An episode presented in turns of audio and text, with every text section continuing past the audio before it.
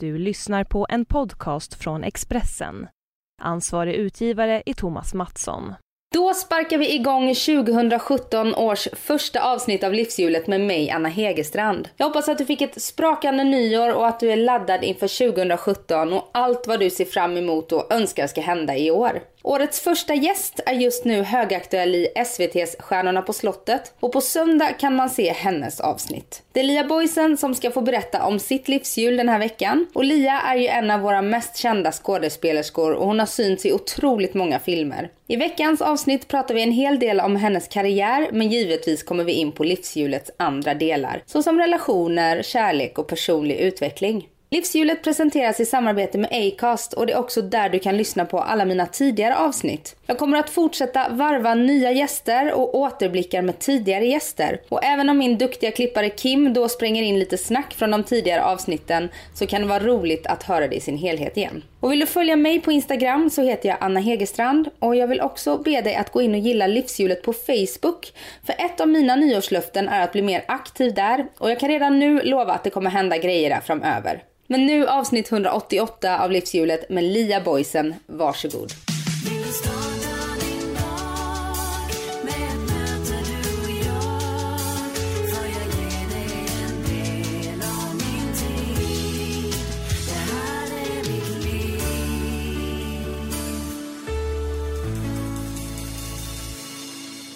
Välkommen till Livshjulet Lia. tack. Hur mår du idag? Jag känner mig lite vintertrött måste jag säga. Mm, Det är ganska sent på eftermiddagen nu också. Mm. Jag känner mig li li lite mör. Så här. Hade jag velat ta en liten eh, eftermiddagslur. Så kom jag och förstörde det. Mm. Och vi bokade in den här intervjun så sent som igår.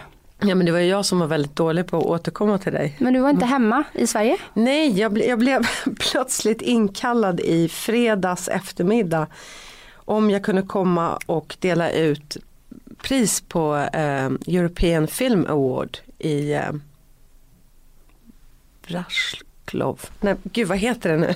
Var I ligger det? Polen, I Polen. Oj. Eh, som var i lördags. Ja. Och då hade jag tre timmar på mig att packa mina grejer, min galaklädsel och åka dit. För sen var det rep hela lördagen och sen var den här tre och en halv timme långa prisutdelningen på lördag kväll. Men är de ute i så, dålig, så dåligt i Nej. förväg med sina Nej, prisutdelare? nu är det så, nu var det en som, en av prisutdelarna, en skådespelare vars bästa vän hade dött. Så att han hoppade av i sista minuten. Mm. Och då är det min gamla regissör Maria von Heland. Hon regisserade dels Sök som jag fick Guldbagge för. Och sen regisserade hon en tv-serie som hette Den som viskar. Som jag var med i. Hon, hon har regisserat hela den här galan i nio år. Och det är ju ett jättepådrag. Det är liksom ett tyskt produktionsbolag och så sänds det på 27 kanaler.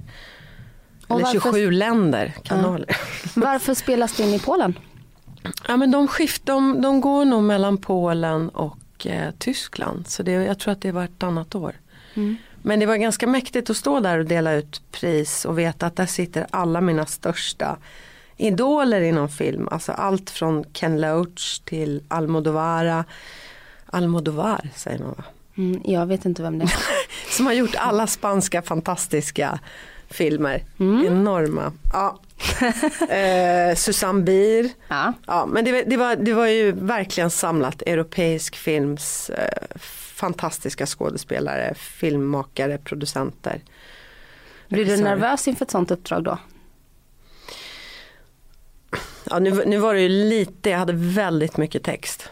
Extremt mycket. Jag skulle beskriva varje dokumentärfilm. Det var sex olika dokumentärfilmer som var nominerade. Som du fick så kort tid på dig. Ja, men det in. fanns en prompter i Ja. änden. Men man vill ju helst inte vara en sån här som står och läser på en prompter. Nej. Men eh, jag var så illa tvungen. Och så är det på engelska. Ja. Men, eh, nej, men det, det var, och så vann ju Ove bästa komedi. Jaha. En man som heter Ove. Mm. Så då var Rolf Lassgård som är en av mina bästa vänner där och fick pris. Ja, vad kul. Så det var jättekul. Var ni och slog runt efter galan sen då på kvällen? Ja men den, den var ju slut så där vid klockan eh, halv ett. Oj. Så det var, ja det blir inte så tidigt i säng då. Nej. Och du kom hem bara för några dagar sedan nu då? Jag kom hem, vad är det för dag idag? Det är Lucia. Det är det är 13. Lucia. det är min favorithögtid, det var därför. Jag ser att det bara gnistrar. Ja. Jag är på med min Ugly Christmas-tröja här och firar Lucia. Ja, men nu får jag lust att fråga dig, hur har du firat? Har du lussat själv för någon? Jag har faktiskt eh, treårsdag med min kille idag. Aha. Så att, eh, och jag tyckte det var vår första dejt på Lucia. Så jag ville ändå att vi skulle ha den dagen för att det var just Lucia. Så jag kommer alltid veta vad jag ska göra på Lucia. Förhoppningsvis, det vet man inte. Ja men då förstår jag varför du älskar Lucia. Ja, nu ännu lite mer. Jag tänker att jag ska lussa för honom ikväll. Gud vad, jag, vad du ser kär ut. Ja men, ja men det är jag nog. Just idag måste jag ju vara lite extra kär. Men du är ju en lite såhär Lucia-typ. Har du aldrig varit Jaha, Lucia? en sån där, ja inte, du menar? Blå ögon, långt blont hår. En sån som blir vald till Lucia tänker jag. Jaha. Jag tycker, ja. Mm. Egentligen har jag alltid tyckt att Lucia borde vara mörkhårig och brunögd. Ja men tyvärr så har det ju inte varit normen i Sverige. Inte riktigt. Här reagerar vi ju så fort hon inte är blond. Och inte är kvinna. Ja. Och inte, inte är vit. Ja, Mm. helt sjukt hela det där faktiskt. Mm. Helt otroligt galet. Och det apropå Polen igen som är ju så fascistiskt. Så var det ju fantastiska eh, tal där från Mm. de polackerna vad de tycker om regimen. Och Pussy Riot tjej var där, en av hon Mm. höll också ett fantastiskt tal. Ja, apropå det, Åhléns reklam Ja. och vår konstiga tid. Mm. Det är rätt skrämmande faktiskt. ja det är det. Ja. Vad tycker du? Det har ju hänt väldigt mycket i år. Mm. Hur påverkar omvärlden dig? Den, den borde kanske påverka mig ännu mer, mer eller jag kan, jag kan känna att jag borde ta tag i massa saker. Ehm, jag gjorde en serie för många år sedan som hette Det nya landet. Mm. Som jag märker haft, hade och fortfarande har en jättestor effekt på människor. och Framförallt när det handlar om flyktingpolitik. Eftersom den handlar om två flyktingar som flyr från en flyktingförläggning. Ehm, och den blir ju aktuellare i mig, har ju blivit de sista åren igen. Uh, konstigt att man inte sänder den men den finns på SVT Arkiv faktiskt. Verkligen värd att uh, mer sånt. Ehm, nej men det är ju ganska lätt att fjärma sig också. Jag tyckte att det var väldigt behagligt, fel ord kanske. Men eh, jag hängde en del på centralen och körde några flyktingar, var det då? Det blir nästan förra året va? För nu har den där strömmen som var på T-centralen, centralstationen. Det var ju så fantastiskt uppstyrt där med volontärer som stod med mat och kläder och Mm. Eh, och jag tyckte att det var väldigt skönt att gå ner där och prata med dem som kom och eventuellt köra dem, erbjuda eh, husrum, vilket de aldrig behövdes. Men att faktiskt vara nära det och se de här människorna som kommer och som har tagit sig i båtar. För det blir så overkligt. Man behöver, man behöver komma nära det och lära känna dem och se och förstå vidden av det här. Mm. Ehm, ja, så det var också någonting, det gjorde mig både tårögd på, på många sätt att, att se alla enorma människor som ställde upp där och som har kreerat det där själva och kommit på att herregud, här kommer de här människorna, det finns ingen mat, det finns inga det, jag, ty, jag tyckte det var fantastiskt hur mycket som styrdes upp av inte färdiga organisationer utan eh, gemene man som bara dök upp där. Mm. Och det är ju Eller, gemene man, heter det så? ja, en, Nej men att, Va- att vanliga va- människor, vanliga liksom. människor dök in och, och att, det, att de blev så bra att det var rörande att se hur de tog tag i och ordnade bussar som ingen organisation ordnade utan de ringde bussbolag och såg hur kan jag få ihop och täcka här till en buss som ska till Finland för här har vi 90 personer som vill till Finland. Och det här var klockan 12 på natten och den här tjejen eh, ja, som själv tog på eget initiativ att ha den driftigheten. mm. Det, det var helt magiskt att se. Mm. Man skulle önska att fler hade det. Mm, verkligen. Då skulle det bli en, en bättre värld. Då skulle det bli att inte allting måste gå via organisationer. Nej. Och Kjelle Bergqvist stod där och sprang fram och tillbaka till sin bankomat och hämtade ut pengar till de som inte hade pengar till sin bussresa. Till det här som hon ordnade. Ja, men eh, hela det där var magiskt att se. Mm. Mm. Så Men du, och du eh, kände att du ville, du hade eh, kunnat öppna upp ditt hem. Ja, jag ställde, jag ställde mig på listor ifall det behövdes för jag bor så nära centralen så Mm. tänkte är det någon som beh- behöver en natt för att sen åka vidare i buss någonstans som ska till Norge eller Finland eller så eh, har jag ett extra rum. Det är jättefint. Mm. Jag tror att det är en stor spärr för många att ta in främmande människor i sitt hem, tyvärr. Ja, Jag tycker att det är berikande att eh, komma över den spärren Ja. i alla lägen. Fördomsspärren. Men jag, jag tror att jag har tampats ganska mycket med det sista åren. Att ha fördoms... Att jag tyckte att jag kanske inte hade så mycket fördomar. Och sen så just när det kommer till det, ja men vad, vad är det för människor man ska ta in?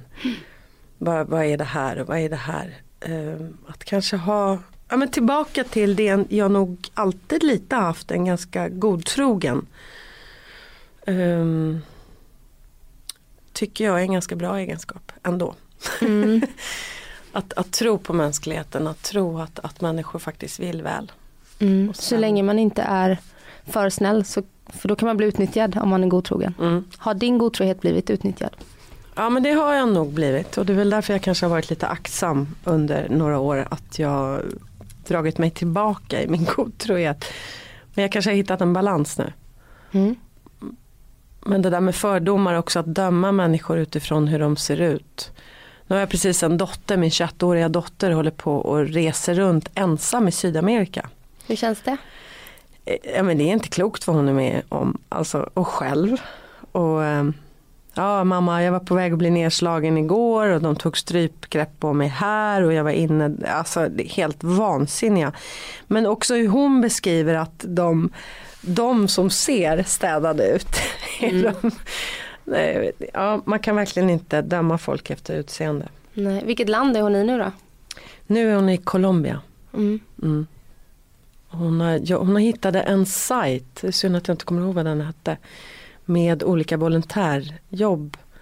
Så man kunde allt ifrån surfcamp till hostel, liksom, där man kunde volontärjobba. Och sen var hon på en vilda djur kamp och tog hand om spindelapor i tre veckor. Jag älskar apor. Ja men det är inte klokt, men hon var helt uppslukad att bara få sitta och mata och komma med mat till de här aporna Mm. i tre veckor och se, vara med dem hela dagarna och lära känna varje individ, varje apa. Mm. Och hur de kom och tog henne i handen och ledde henne och skulle visa henne olika saker. Nej, men- jag blir så tårögd, jag tycker det.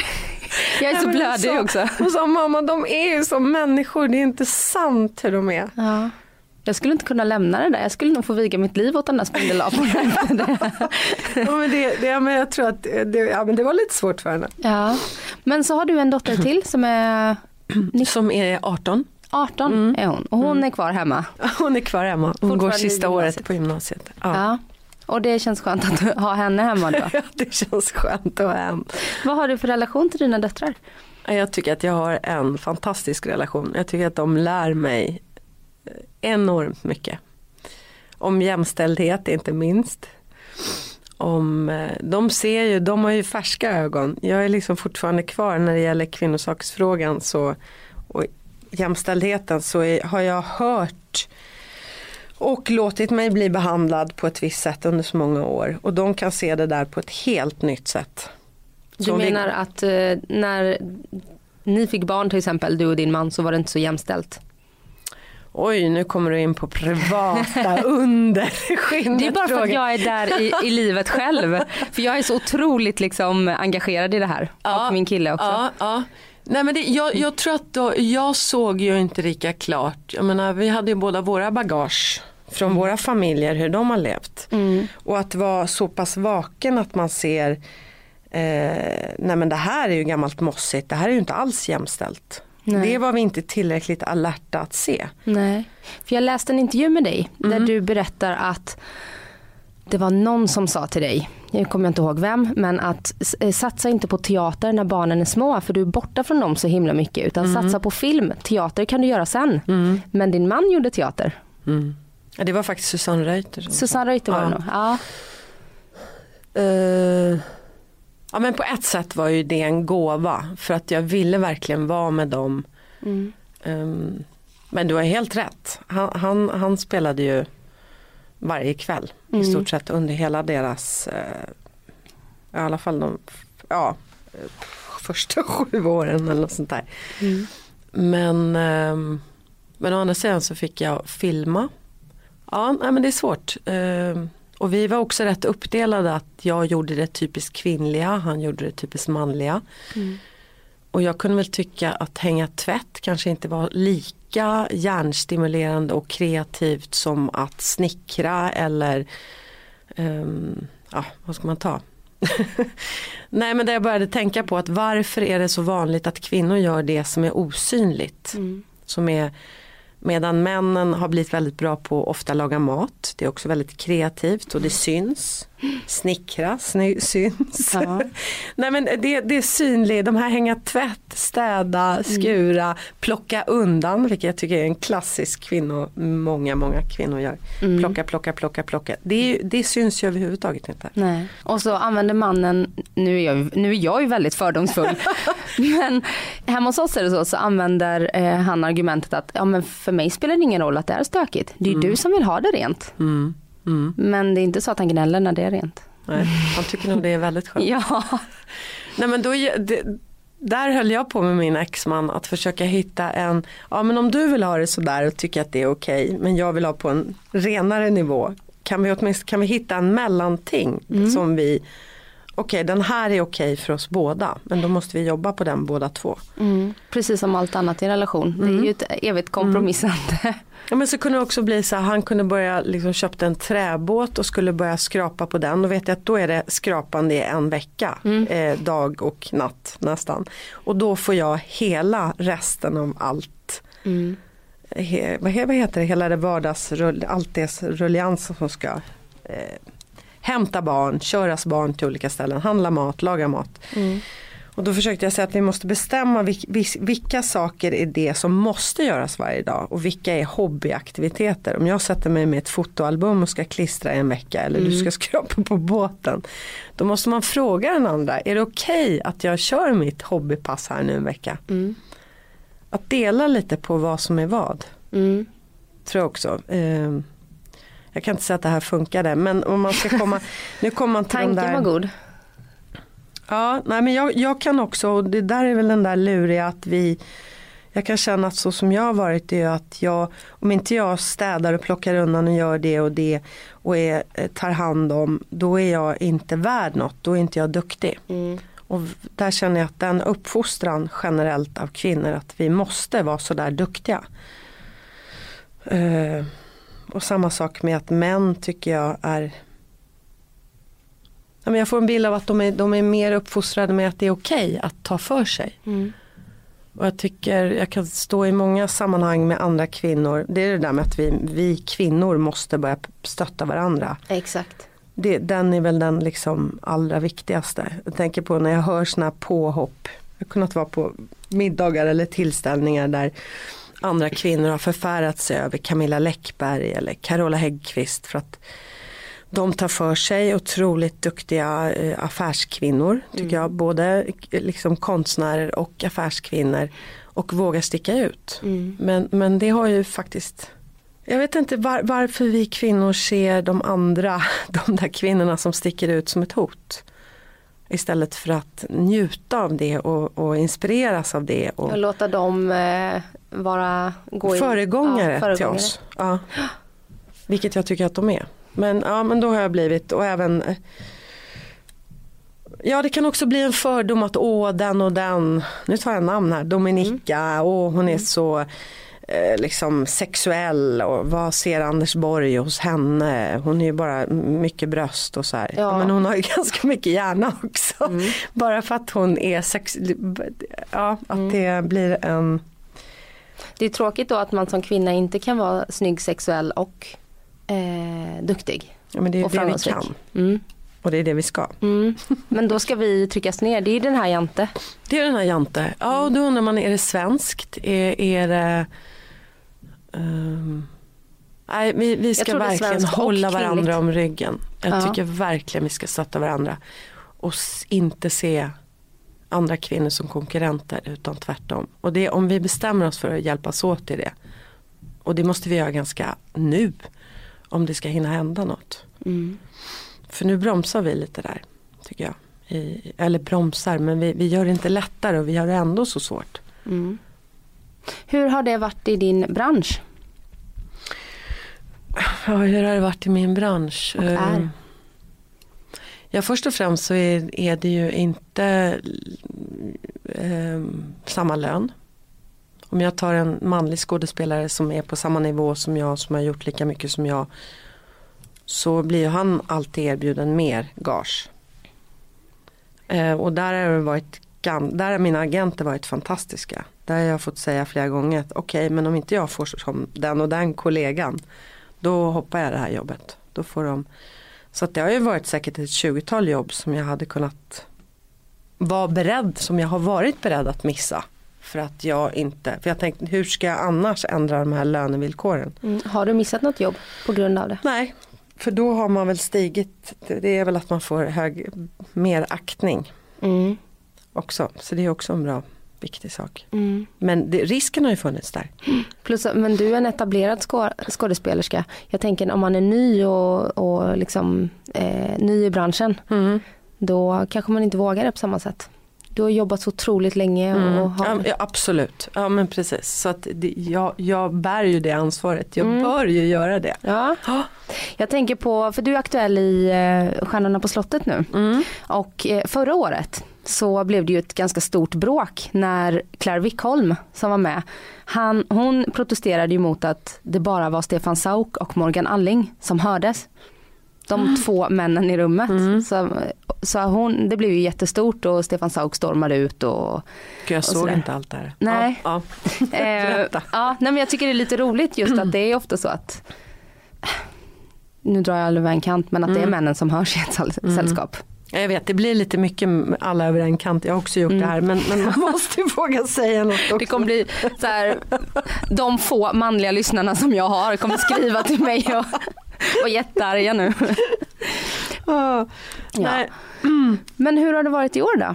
Har det varit... Eh, Vad var din fråga egentligen angående det här? Har det varit likadant för oss med Nej, jag be- utstormning? Nej. Nej, eh, jag bara berättade att det var så förra året. ja. Och, och så undrar jag hur har det varit i år? Vad är din upplevelse av inspelningarna i år? Ja, men vi, vi, eh, vi kvinnor har ju stormat ut hela tiden. Nej det har vi inte gjort. Nej, det har vi Har det varit mycket drama eller har det varit vänskapligt? Alltså jag måste säga att det har varit jättetrevligt. Mm. Eh, och jag hoppas och tror att tittare, att det är faktiskt det man vill se också. Att man inte tycker att det är jättekul, i alla fall är inte jag det. Att sitta och se människor som inte är trevliga mot varandra eller som ehm, Nej men man, nej, nej, nej jag, jag, det har varit jätte, väldigt kul. Mm. Jättefint gäng. Var det självklart för dig att tacka ja? Nej. nej. För man är ganska personlig. Ja men man har ju en bild av att det är liksom att kliva in i en eh, liksom Hänt Extra. Alltså, nej, kan vi ta bort nej, nej men att, att man blir, att det bara att, att det är frågor som kommer att vara Jag tror att det är de här rabalder i tidningen som har gjort att eh, att, man, att jag blev lite aktsam. För när jag egentligen tittar på programmet och vad det är och att det handlar om, om en, en livsresa från man är liten till nu och karriär och vad har präglat ens jobb från ens barndom eller från ens liv. Det är ju liksom grundtanken. Jag vet också att Tina Graffman som har producerat det och som började med hela idén. Hennes tanke, vilket jag tyckte var väldigt fint när jag hörde hennes grundtanke var att göra med, med gamla skådespelarartister så att, att var och en fick ett helt program som sen kunde sändas som ett minnesprogram när någon av dem var döda. Ah. Men, men det, det säger ju ganska mycket om tanken Mm. hur, hur eh, man går igenom hela resan. Mm. Sen är det ju sådär om, om man känner att det är sådana rabalder i tidningen. Tidningarna och tv Mm. jobbar ju i symbios. Mm. Det är ju det, det är inte för inte som det finns en pressavdelning på SVT också faktiskt. För att få upp tittningen. Allsång på Skansen, eh, det är ju så mycket skriverier varje år och ganska mycket negativt. Mm. Eh, Men det har ju jättebra Mm. tittarsiffror. Och Melodifestivalen och de här. Men för tillbaka till frågan varför jag då, så var det också det att eh, i år, eh, nu skulle det spelas in på det slottet där min mormor växte upp. Eriksbergs slott. Ja, Mm. det gjorde det ju även förra året. Mm, då var jag där på pressdagen Jaha, faktiskt. Okej. Jättevackert. ja. Otroligt Och då vackert. kunde jag inte, jag fick frågan. Och sen så sa jag, men om ni gör det på Eriksberg igen nästa år, då. Mm. Eh, så det var ganska magiskt för mig att vara just där. Mm. Och du själv är också, förutom att du föddes i Köpenhamn Mm. och bodde dina första år där, så flyttade du och din mamma va? till Mm. Julita. Mm. Mm. Som ligger en bit därifrån. Ja, utanför Katrineholm. Ja. ja, då förstår jag att det var speciellt. Ja, Men det, det, var, det här slottet det är min syssling som har det nu. Eh, innan var det min mammas kusin, innan dess var det min mormors bror. Mm. Och sen var det då min mormors föräldrar när hon växte upp där. Mm. Så när vi gick där upp till middagarna och så, så hänger ju alla porträtt på alla släktingar. Min mormors pappa och mamma. Och det, ja, plus att jag har gått där när jag var liten med mormor. Många, många gånger. Mm. Lev, din mormor, lever hon idag? Nej, Var det nostalgiskt? Ja men det var väldigt speciellt för att dels så bodde hon på andra sidan sjön hela min uppväxt. Eh, så att hon såg slottet från sitt köksfönster. Så det var gångavstånd bort till slottet. Och då satt hon ju, hon, hon var så uppfylld av den här uppväxten på det här slottet, hur allt hon hade upplevt där.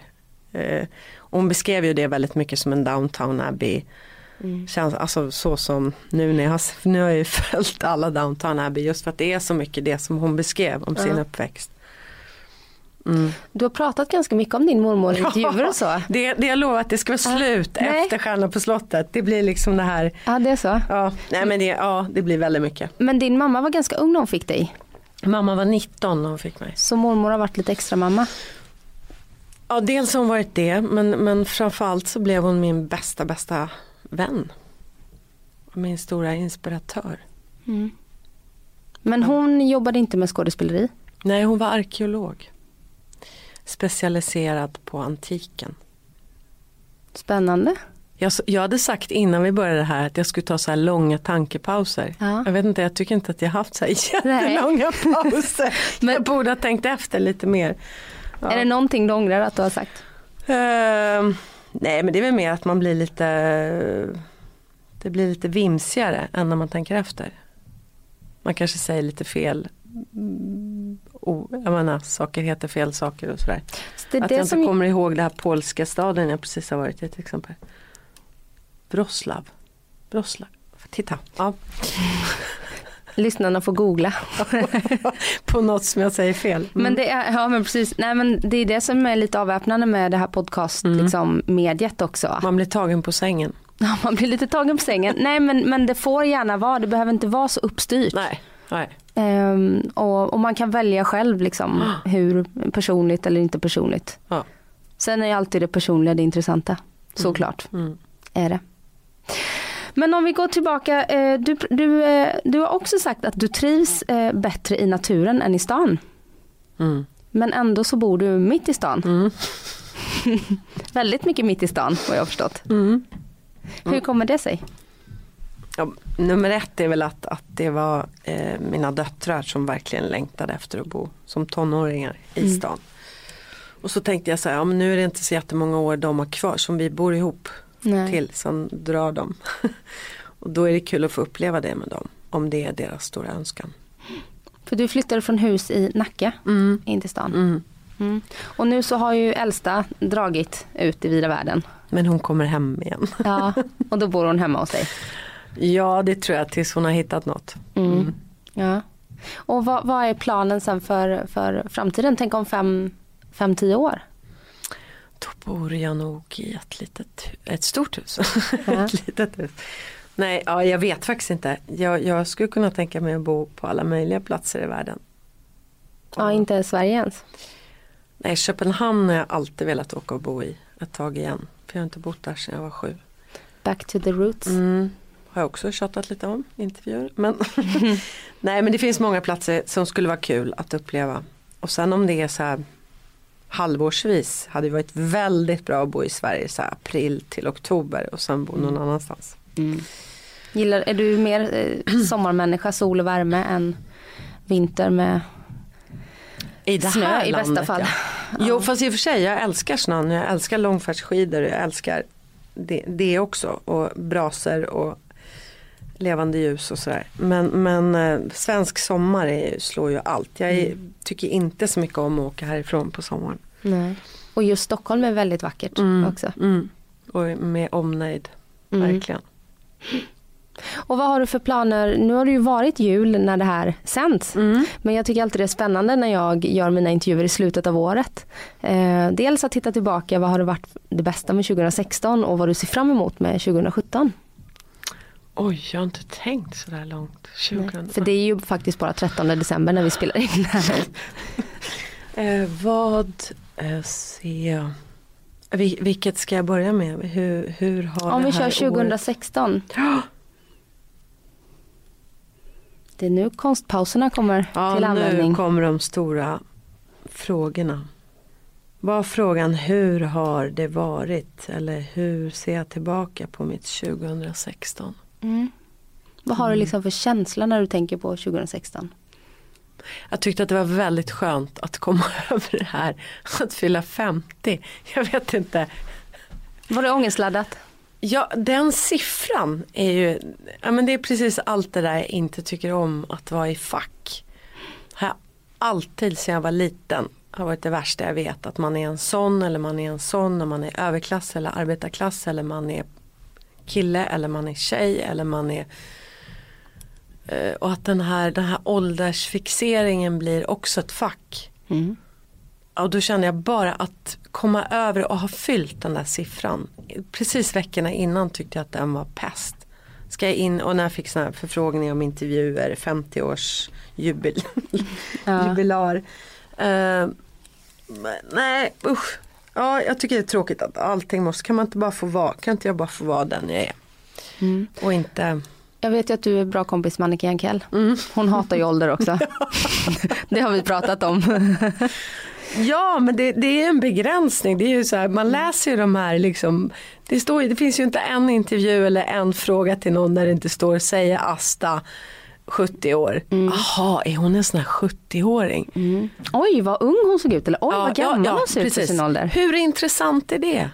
Nej. Nej, jag, jag fattar inte hur eh, Ja och det är precis det där jag säger att man tittar och hur ser den ut. Aha, men är den och där tror jag sen jag var liten för att jag var väldigt väldigt förtjust gamla människor av någon anledning så länge jag kan minnas och det kanske var min mormor som gjorde så starkt avtryck. Men jag tror alltid att jag har haft en förmåga att se dem förbi åldern om man säger så. Jag kan bli tokig när jag hör hur människor pratar på ett annat sätt med äldre för att de är äldre, för att de har grått hår och kanske är skröplig kropp. Så ska man antingen prata väldigt tydligt så här, eller liksom, kan de bara få vara? Och jag jobbade när jag var så här 18, när jag gick ut i gymnasiet så jobbade jag på judiska pensionärshemmet i Stockholm. Och det var ju bara att jag satt som jag ofta gjorde när jag skulle ha jobb så tittade jag i gula sidorna. Så här, vad, vad, vad kan man tänka sig? Och så var jag nog lite sugen på apropå det här att jag tyckte om äldre människor att jag haft ett behov av det sedan jag var liten. Ja men ett ålderdomshem och så satt jag och slog på ålderdomshem så fanns det plötsligt judiska ålderdomshemmet. Så tänkte jag oj med hela den historien och lära sig de traditionerna det är ju spännande. Så då jobbade jag där i kanske nio månader och det, det var helt fantastiskt. Dels hade flera av de här suttit i koncentrationsläger vilket i sig hade de enorma historier. Men det var ju också att se alla dessa individer och hur Det var bland annat en, får jag berätta den historien? Det, var, det var bland annat en ehm, Det var som en jättestor villa då, nu är det ett nytt ställe. Men en jättestor villa där alla hade sitt rum och så hade de gemensam matsal. Och då var det en väldigt, väldigt gammal fin dam som aldrig ville gå ut från sitt rum. Så att man fick komma med mat till henne. Och varje gång jag kom in i hennes rum så var hon i en ny, på en ny plats. Det kunde vara att hon eh, pratade engelska och var på Ritz i London och Mm. skulle gå på teater och väntade på sin man och skulle träffa sina föräldrar och då pratade hon engelska med mig och var helt uppe i den här världen vad hon skulle ha på sig på den här bjudningen på kvällen och på teatern. Samtidigt som hon helt såg mig, hon kunde liksom prata om mina ögon eller säga vad hon såg. Mm. Ehm, ja, så varje gång man kom in till henne så var det, det kunde vara Frank, det kunde vara Paris eller det var där. Hon var helt inne i sina världar. Och alla de andra som tog hand om de här gamlingarna, de lite äldre som jobbade på pensionärshemmet eh, försökte få henne att vakna till och säga nej du är på judiska pensionärshemmet i Stockholm. Ja. Och så kände jag, men varför låt henne vara i de här världarna? Jag går gärna in i de världarna och är med henne. Jag tyckte att det var helt magiskt att få åka med på hennes, in i hennes världar. Var hon klar i huvudet? Ja men hon var ju det för att hon kunde ju, hon kunde ju se, hon kunde ju beskriva mig och prata med mig precis. Förstod hon själv att hon var i en låtsasvärld eller trodde hon att det Jag var henne, tror att en riktig värld? Innerst långt, långt inne visste hon säkert det. Men hon valde att vara i de här världarna för att det blev en roligare liv. Definitivt. Ja. Och då kände jag så här, ja men det är ju magiskt. Hon, hon skapar ju hela de här världarna. Det här rummet förvandlas ju till det vackraste hotellrummet på Ritz. Ja. Kan Det inte ju- få vara det? Det är ju inspirerande, tänk om man själv kunde göra så. Ja men det kan vi ju. Ja, men eh, då eh, anses man väl vara lite konstig. Ja, fast vad vet vi om, om egentligen om man pratar om kvantfysik att alla tider Ja. går parallellt. Mm. Allting, vad är vad då? Eftersom tiden egentligen inte finns. Och sen så finns det ju de som säger nu att vi egentligen bara ett, ett dataspel. Att vi bara... Ja, vi är ju bara illusioner i ett dataspel typ. Ja. Det där tycker min kille är jättespännande. Ja. Jag är så här, åh jag orkar inte lyssna. Mina brorsor, mina engelska Ja. bröder, för jag har två bröder i, London. De är ju mycket att ingen, ingenting, vi skapar vår egen verklighet. För det är det du är inne på nu. Mm. Det här bordet finns egentligen inte. Nej. Utan det, det är jag som skapar när jag står Mm. där. Det är ju lite tungt att gå in i de där. Det är ju det. Det är en annan podd, så kan vi säga. annan podd. Den. Ja, men, Men om eh, vi ehm, eh, tycker att det var jobbigt då att fylla 50 eller är du glad att du var jag är över glad 50? att jag har kommit över det och att jag känner att jag har frigjort mig från det facket nu. Det var liksom de där dagarna runt det som var pest. Mm. Mm. Och inför 2017 då? Vad ser du fram emot? Att fylla 50, nej jag skojar. men, men vad ser jag fram emot? Eh, nej, men jag börjar tycka att det är roligare än någonsin med mitt jobb. Jag tror att jag har varit sista åren lite i en sån här fas där jag, där jag har känt som kanske hör till åldern. Nu kommer jag. Där jag har tänkt att ja, men herregud, har jag- nu har jag gjort det här i så många år, skådespelat. Är det inte massa annat jag vill hinna göra resten av livet? Vilket det är också. Men just när jag har kunnat släppa att ja, men jag måste inte göra det här. Jag måste faktiskt inte skådespela. Då har lusten som mest kommit. Så nu tycker jag att det är så ännu roligare tror jag än vad jag tyckt förut. Um, Så att det är kanske det jag ser fram emot mer. Har du men- inbokat jobb som du vet att du ska göra i Ehm, nej, inte som, är, inte som är hundra klart. Men, men sen vill jag, tänker ju hela tiden, jag har ju ända sedan jag bestämde mig för att bli skådespelare så har jag tänkt att, eh, att sen jag var 18 att jag kommer aldrig att sitta och vänta på att telefonen ringer. För då kommer jag bli så bitter. det, kommer, det, går inte. det går inte att vara skådespelare och liksom vänta på att bli uppbjuden. Utan jag måste liksom driva själv en massa projekt som jag tycker är kul. Och då blir det istället så här så att när jag har luckor på några månader så är det yes, yes, nu ska jag sätta mig och göra det här eller skriva på det där. Gud vad skönt. Så att det blir lustfyllt att inte vara uppringd. Så s- det, det tror jag är en jätteviktig del. Mm. Hur funkar det då ekonomiskt? Är du egen företagare? Mm. Mm, då är det ju luckor när man inte har inkomst. Mm. och så tjänar man mer pengar ibland Mm. då. Är du, eh, stressar det dig eller kan du vila i när du inte tjänar pengar? Ja men jag kan vila i det och jag känner att jag löser det alltid på något sätt. Ehm, för att jag vet att jag inte skulle kunna vara fast. Nej. Jag skulle känna mig låst. Jag måste kunna flyga fritt. Du har aldrig varit anställd? Nej, det, det är nog inte min grej alls. Så jag tycker bara, det är kanske mer en spänning också. Mm. Och lite så här trigging att jag måste komma på lösningar då. Mm. Och peppar peppar, det brukar gå. Ja, det har ju gått hittills. När, när var det du började, när gjorde du din första roll? Oj, ska man räkna från gymnasiet då? Nej. Ja, för, för det står ju på olika ställen står det så här att du fick ditt genombrott 2000. Och det känns väldigt sent tycker jag. Ja, det, det man säger med nya landet hela tiden. Nej, men då hade jag Lukas ju, Moodyssons Ja, film. men då hade jag ju gjort massa tv-serier Ja. innan. I 12 år innan. Mm. Så Känns det jobbigt då att höra att ja, ditt stora genombrott kom då? För du var väl känd innan det Ja. tänker jag. Ja, det, ibland, det kan bli, nu är jag jättestolt över den produktionen Mm. och det blev en väldigt stor dörröppnare för, för att det breddade liksom dels att jag inte bara för 12 år, de 12 åren innan så hade jag väldigt mycket varit i det facket att jag hade gjort de goda rollerna, den goda varma. På tal om att inte väldigt- vilja vara i fack. Ja. så kan man säga att den rollen öppnade, vidgade utbudet av karaktärer jättemycket. Men jag gjorde ju en, om man nu pratar om det första på tv som var en stor, jag gjorde ju mindre grejer innan men då var jag väl 21, 22. Då gjorde jag Storstad, Mm. en av de där första långkörarna. Mm. Innan Varuhuset och Red- Rederiet var det väl. Har, men har du varit med i Rederiet? Nej, men jag var med i Ja. Storstad, 65 avsnitt. Just det, men du måste vara en av få skådespelare i Sverige som inte har varit med i Rederiet. Nej, eftersom jag gjorde Storstad som var precis innan. Ja. och då, då kan man inte vara med. Det Nej. fanns inte möjlighet att vara med i Rederiet Nej, då. det har ju... Gud, när man jag har gjort en sån här långkörare, Mm. Det blir väldigt konstigt. Ja okej. För det är också lite efter en sån här långserie att man går lite i karantän i några år på Ja, SVT. det- för man är så förknippad. Ja, och då var det väl ännu mer så för det fanns inte så många kanaler. Så Nej. det blev, var så otroligt mycket tittare på det. Och då är man så förknippad med, med den rollen. Mm. Vad känner du att, eh, vad har du för liksom drömroll eller vad vill du göra som du känner att du fortfarande inte har gjort? Ja men det är den jag ska 2017 skriva på.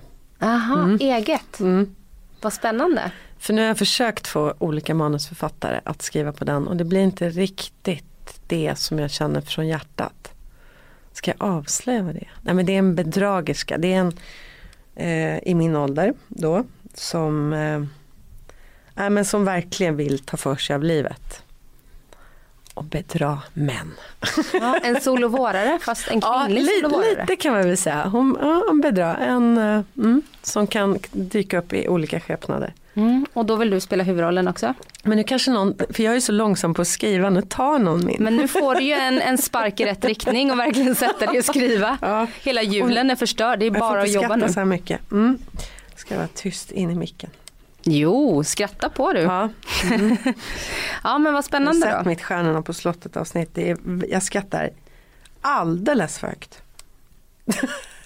Kan man göra det? ja, det är därför jag försöker hålla igen. Fick produktionen säga till dig skratta Nej men jag bara kände när jag såg avsnittet nu innan så tänkte jag men herregud vad den människan skrattar högt. Alltså jag har aldrig hört på maken. Eh, Skrämmande. Men min pappa gör det också. Min danska pappa han, ska, han har ett väldigt väldigt högt bullrigt skratt. Är inte danskar väldigt bullriga Ja, det överlag? kanske är mer. Så jag kanske får vara, det är mitt danska jag som Ja, är så här bullrigt. Du skrattar Mm. på danska. Jag skrattar på danska. Då är jag förlåten. Du får skylla det. Ja, skylla på det. Eh, och sen så vet jag, eh, du lever själv idag. Mm. Ja. Är, trivs du med singellivet eller är du öppen för kärlek? Jag är öppen för kärlek. Mm. Män trivs? Eller trivs inte med att vara själv? Vad är det här för fråga? Jag trivs med mig själv. Nej men jag tycker, det, men man, man kan väl bo själv och ha kärlek ändå. Ja, men att, att inte vara bunden till någon menar jag, att vara fri. Du försöker luska om jag har någon stor kärlek. Nej, jag frågade, jag ställde den frågan och du sa att du inte hade. Sa jag? Ja, du sa att du eh, Jag levde bor själv. själv, så jag, men det är väl olika saker. Ja, det är i och för sig. Har du någon stor kärlek då? Ja, jag är lite kär. Är du det? Ja. Vad härligt. Tycker du det är för privat att prata om? Mm. Ja, då gör vi inte det. Men du bor själv? Jag bor själv. Mm. Ja. Trivs du med att bo själv? Eller skulle Ja, men du jag vilja har ju bo mina ihop? döttrar. Mm. Nej men jag tycker väl att eh, jag har gjort den här resan av ett 21-årigt lång relation. och Bo ihop. Så, att, så att det är väl väldigt härligt att hitta relation på ett annat sätt. Mm. Det finns andra sätt att eh, vara ihop. Mm. Utan det här eh, som jag kan tänka, eller som jag vet eh, i typ min ålder då, att man Mm. står inför att skaffa familj och småbarnsår och sådär. Nu har du familj, du är inte på G att skaffa fler barn, eller? Nej, nej, Nej. nej jag hade faktiskt inte tänkt. Nej. Nej, men jag tog för givet det. Det ska man inte göra. Nej, Nej det ska Nej. man inte göra. Men det blir ju ett annat sätt att ha relation på. Ja men det är det, har den, den tiden. Mm. du är i är ju magisk. Alltså den, den är ju verkligen så fantastisk med att bygga upp och hela det här boa och allt. Mm. Ehm, och den har jag som sagt gjort och då känner man att ja, men varför ska jag in och göra det där vardagliga med någon när Mm. jag kan göra allt det andra som jag inte har kunnat göra under alla de här åren. Mm. Att nu börjar flickorna bli så stora, nu kan man ut på äventyr tillsammans med någon. Man behöver inte göra det där skava, skava, skava. Nej. Vardags... Eh, jag är nog lite aktsam om det. Även om det är extremt mysigt att äta frukost med någon och vara Fast det kan man ju inte- göra ändå. Man behöver inte göra det varje dag. Nej, då blir det mer eh, lyxigt de Mm. dagarna man gör det. Vi har Mm. faktiskt pratat om det jag och min kille att det ultimata vore om vi hade varsin lägenhet bredvid varandra. Mm. För det är mycket gnissel som skulle försvinna. Om jag tänker på, på eh, eh, vad heter de? Helena Bonham Carter och Tim Burton. De bor inte ihop. De bodde ju, nu har de skilt sig tror jag, men i alla år så bodde de i två hus bredvid varandra där de byggde en gång emellan. Mm. Det gjorde också Frida Kahlo med sin man. Mm. Konstigt att det inte finns fler alternativa sätt att, att hitta. Att, att är- det är normen att man ska i en familj bo tillsammans med barnen så här. Mm. Vilket är rätt påfrestande egentligen. Jag tänker på det gamla bondsamhället när det var så många vuxna som turades om att ta hand om barnen. Man, man, man var många men när man bara är två som båda ska jobba, lämna på dagis. Det är samma liksom rutiner. Mm. Jag tycker det är rätt tufft faktiskt. Eh, Det har inte riktigt följt med. Det är klart att nu pratar man om stjärnfamiljer och att eh, kärnfamiljen inte är så vanlig och väldigt många skiljer ju sig faktiskt. Mm. Men just det här att ja, men vi ska jobba för jämställdhet och, och eh, klart att inte kvinnan bara ska vara hemma och sådär. Mm. Men då måste, då måste vi följa med i det här också att det måste fi- finnas andra konstellationer. Att man, varför kan man inte vara två föräldrapar om ett barn eller två barn? Faktum är, jag, en av min lyckligaste tid var precis när jag höll på att skulle flytta från mitt hus. Eh, och packa ihop alla mina saker och så hade min lilla syster precis fött sitt andra barn och satt i en lägenhet på Gärdet. Och hade redan en tvååring eller en ett och ett halvt åring och var liksom helt låst. Mannen var på jobb hela tiden och hon satt hemma och ammade. Kom knappt ut med barnvagn, var jätteensam, isolerad i det där. Och ringde mig och grät. Jag tror att hennes då nyfödda var tre veckor. Mm. Och då sa jag, men, men kom hit och bo här i huset. Jag håller ju på att packa hela dagarna. Så kan du sitta och amma och peka på vad jag ska ta och inte och vad jag ska skänka bort. Mysigt. Ja, men, och, då, och så kom hennes man, jag tror att de bodde nästan två månader med sina två små och mina döttrar. Och vi har aldrig varit så lyckliga någonsin. Vi pratar allihopa om den här tiden som den och då var vi egentligen i den svåraste sitsen för jag och döt, mina döttrar var i den här skilsmässo där allt skulle delas upp, allt skulle bli annorlunda, det var väldigt mycket känslor i det. Min syster var helt hormonig av att ha fött ett barn. Min, hennes man höll på att hoppa av, lämna sitt jobb och starta nytt. Alltså det var, det var extremt omtumlande tid. Och så blev det bästa någonsin. Men då i den tiden behöver man ju eh, gemenskapen och det här stödet. Men det är oftast när det är jobbigt som man isolerar sig. Man orkar liksom Ja inte. och det är så dumt för det, det blev sån avlastning och det blev att vi turades om och laga mat, vi turades om och handla. Vi, eh, nej. Och de renoverade, jag höll på att renovera min lägenhet jag hade köpt medan jag packade ihop. Så jag skulle hitta kylar och frysar och spisar och eh, kranar och allt. Och det höll de på med en bostad också. Du tycker jag gestikulerar mycket. Jag Nej. ser det till. Nej. Men det, det tar ju fokus. Mycket med händerna. Eh, nej, så, så det gjorde vi också samtidigt. Nej, det var, det var, så jag tycker egentligen vi, måste, vi ska börja flytta ihop. Jag är mer inne på lite mer kollektivt. Men ändå så bor du själv och vill göra Ja det. men det, det är faktiskt inte, ja fast jag har faktiskt haft en väninna som har bott nu i flera månader. I min lilla lägenhet. I alla fall tre sovrum. Och det, var ett, och det var ett fantastiskt också både för henne och mig och min eh, 18-åriga dotter. För när jag har varit borta och filmat, vilket jag har gjort en hel del nu, så har, så har det varit någon. Det blir så tomt, det blir så trist och tomt. Jag tror inte någon tycker att det är jättekul att bo helt själv. Nej. Eller det kanske är jag som är sådär. Och bor man själv för länge så, jag vet jag bodde själv ganska länge innan jag träffade min kille. Mm. Man blir lite konstig, man får sina rutiner och sen blir det, vi hade jättejobbigt i början när vi skulle flytta ihop. Superkära men så irriterande med alla hans liksom rutiner som kom in Ja. och förstörde.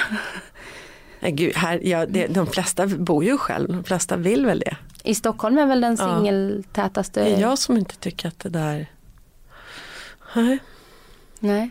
Men eh, dina föräldrar skildes när du var fem, Mm. stämmer det? Mm. Mm. Hur har, har, har det liksom präglat din syn på relationer och sådär? Ja, mer att jag tror att jag var mer så här upp till kamp. Att när jag väl fick barn och att vi, nu ska jag hålla ihop här resten av livet. Jag ska Mm. inte göra som mina föräldrar. Mm. Så en, en upp till kamp-anda.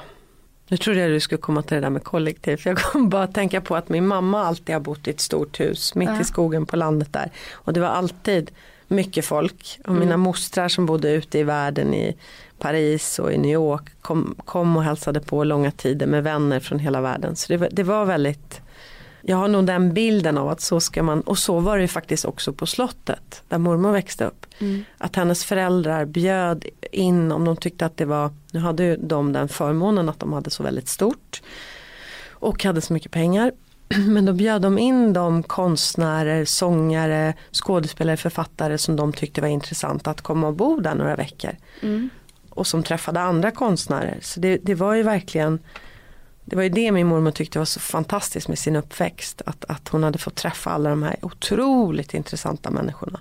Som var där under Mm. Och de ville komma dit och, och bo där? Ja, de tyckte ju det var, det kunde också vara någon men det var lite sådär mer att det också fanns ett, ett, att man skulle ta hand om dem som kanske inte, nu menar jag tyvärr inte att flyktingar fanns det kanske inte på det sättet då. Men, men väldigt fattiga och så hade man ju önskat kunna få bo där. Men det kunde vara kanske någon gammal grevinna från Frankrike som hade blivit änka.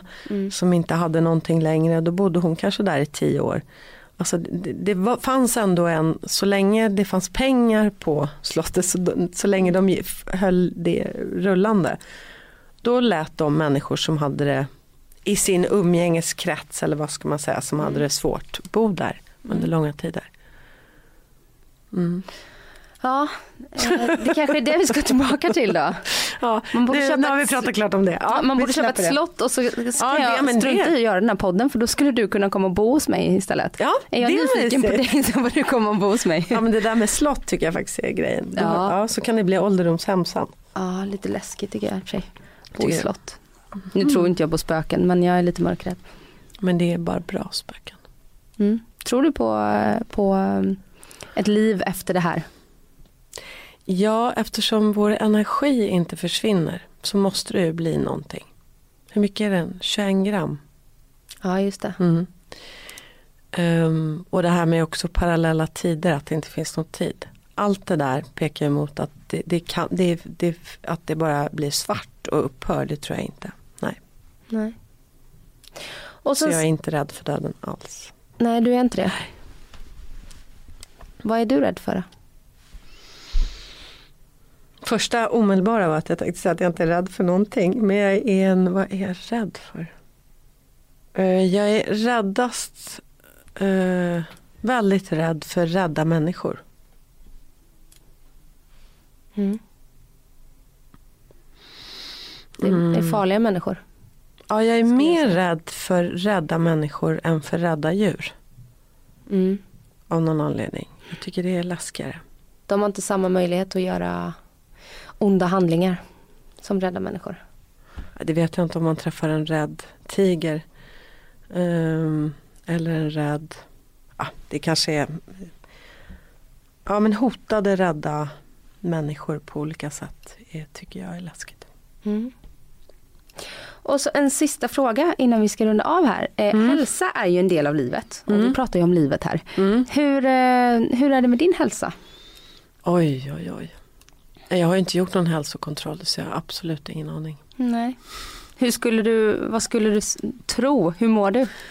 Egentligen så är jag faktiskt ganska dålig på att känna efter. Jag är, vilket är bra på ett sätt för att jag är väldigt smärttålig. Mm. Men det kan ta väldigt lång tid att jag upptäcker att men det här, så här borde det inte vara. Mhm, mm. Om du förstår. Att man, man är, det är på ett sätt väldigt bra att vara i sin kropp och känna allting som är på gång. Mm. Ja men det har jag i och för sig blivit väldigt mycket bättre på de sista åren. Hur, är Hur- min hälsa? Hur kommer det sig att du har blivit bättre på det? Ja, dels för att jag gick igenom en sjukdom som nu gick, som gjorde att jag fick stanna till och tänka efter, tror jag, och sakta ner lite, inte vara på ett sånt jädra, ja, jag kommer alltid ha jättehögt tempo, tror jag i och för sig. Mm. Eh, men hitta ett annat lugn i det höga tempot. Eh, vad som är liksom bränna ut och inte. Var det utbrändhet? Nej, men man kan säga att den sjukdom, att den hade med, med att, att för högt varv, liksom stress att Mhm. göra. Mm. Ja, absolut. Så det gäller ju att faktiskt också kunna känna efter. Men sen är jag ju med den där sorten som tränar som en idiot en gång och som tycker att jag har tränat för ett år. Liksom, så Mm. Gud så vad bra det gick. ja, men nu har jag tagit ut mig så mycket så nu behöver jag inte träna på evigheter. Ja. Nej men jag går och gör yoga, går jag och gör, promenerar älskar jag att göra. Yoga är faktiskt väldigt, väldigt bra. Mm. Och mot stress också. Eller blir du Ja, stressad av lugna tempot? Nej men jag gör inte sånt där, jag kan inte göra sån där långsam yoga. Nej. Då blir jag tokig. Du är mer eh, power. Ashtanga yoga, det måste vara liksom så det känns. Mm. Inte bara stå och flåsa och Nej. meditera. Nej men då, då får jag kryp. Du då? Jag eh, gick på gravidyoga. Ja. Ja, det är ju, jag vet ju att jag mår så himla bra av det. Men Mm. det är en motsättning för att jag, eh, dels är jag så ovig. Mm. Jag tycker det är så tråkigt att göra saker jag inte är bra på. Och så ser man så här snubben till höger som viker sig dubbel. Och så når man knappt ner till golvet. Och det är inte kul då. Nej. Då är det ju roligare, och jag är gammal danstjej, då är det ju roligare att Mm. glänsa på ett danspass på gymmet liksom. Men då behöver ju du aldrig träna, då är din kropp liksom redan Mm, säg det, du har ju gått igenom två graviditeter, du borde veta. Jag ska Ja. faktiskt iväg och träna efter det här. Mhm. Vad ska du göra? Absolut inte träna. Jag ska gå och äta middag och Ah. gå på faktiskt eh, man som heter Ove på Rival med Johan Rheborg. Ja, vad trevligt. Det önskar jag också att jag kunde göra. Men jag har eh, vikt de första åren nu åt Ja, lite bebis och sånt. lite bebis. Mm. Men då, ja, det är en ganska fantastisk tid. Ja, det är det.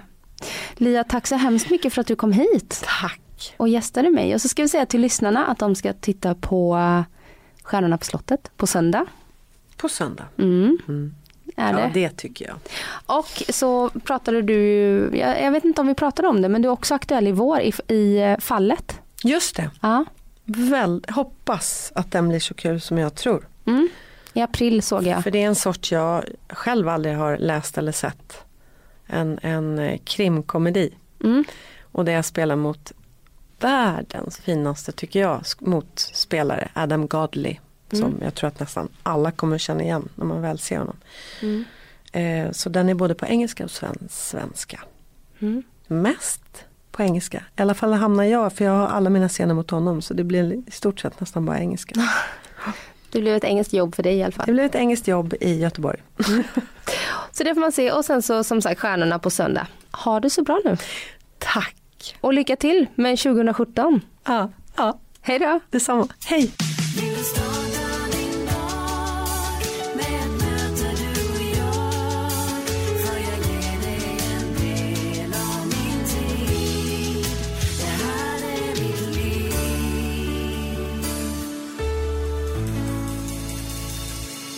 Du har lyssnat på en podcast från Expressen. Ansvarig utgivare är Thomas Mattsson. Fler poddar hittar du på expressen.se podcast och på iTunes. Snart startar vår stora färgfest med fantastiska erbjudanden för dig som ska måla om. Kom in så förverkligar vi ditt projekt på Nordsjö Idé och Design.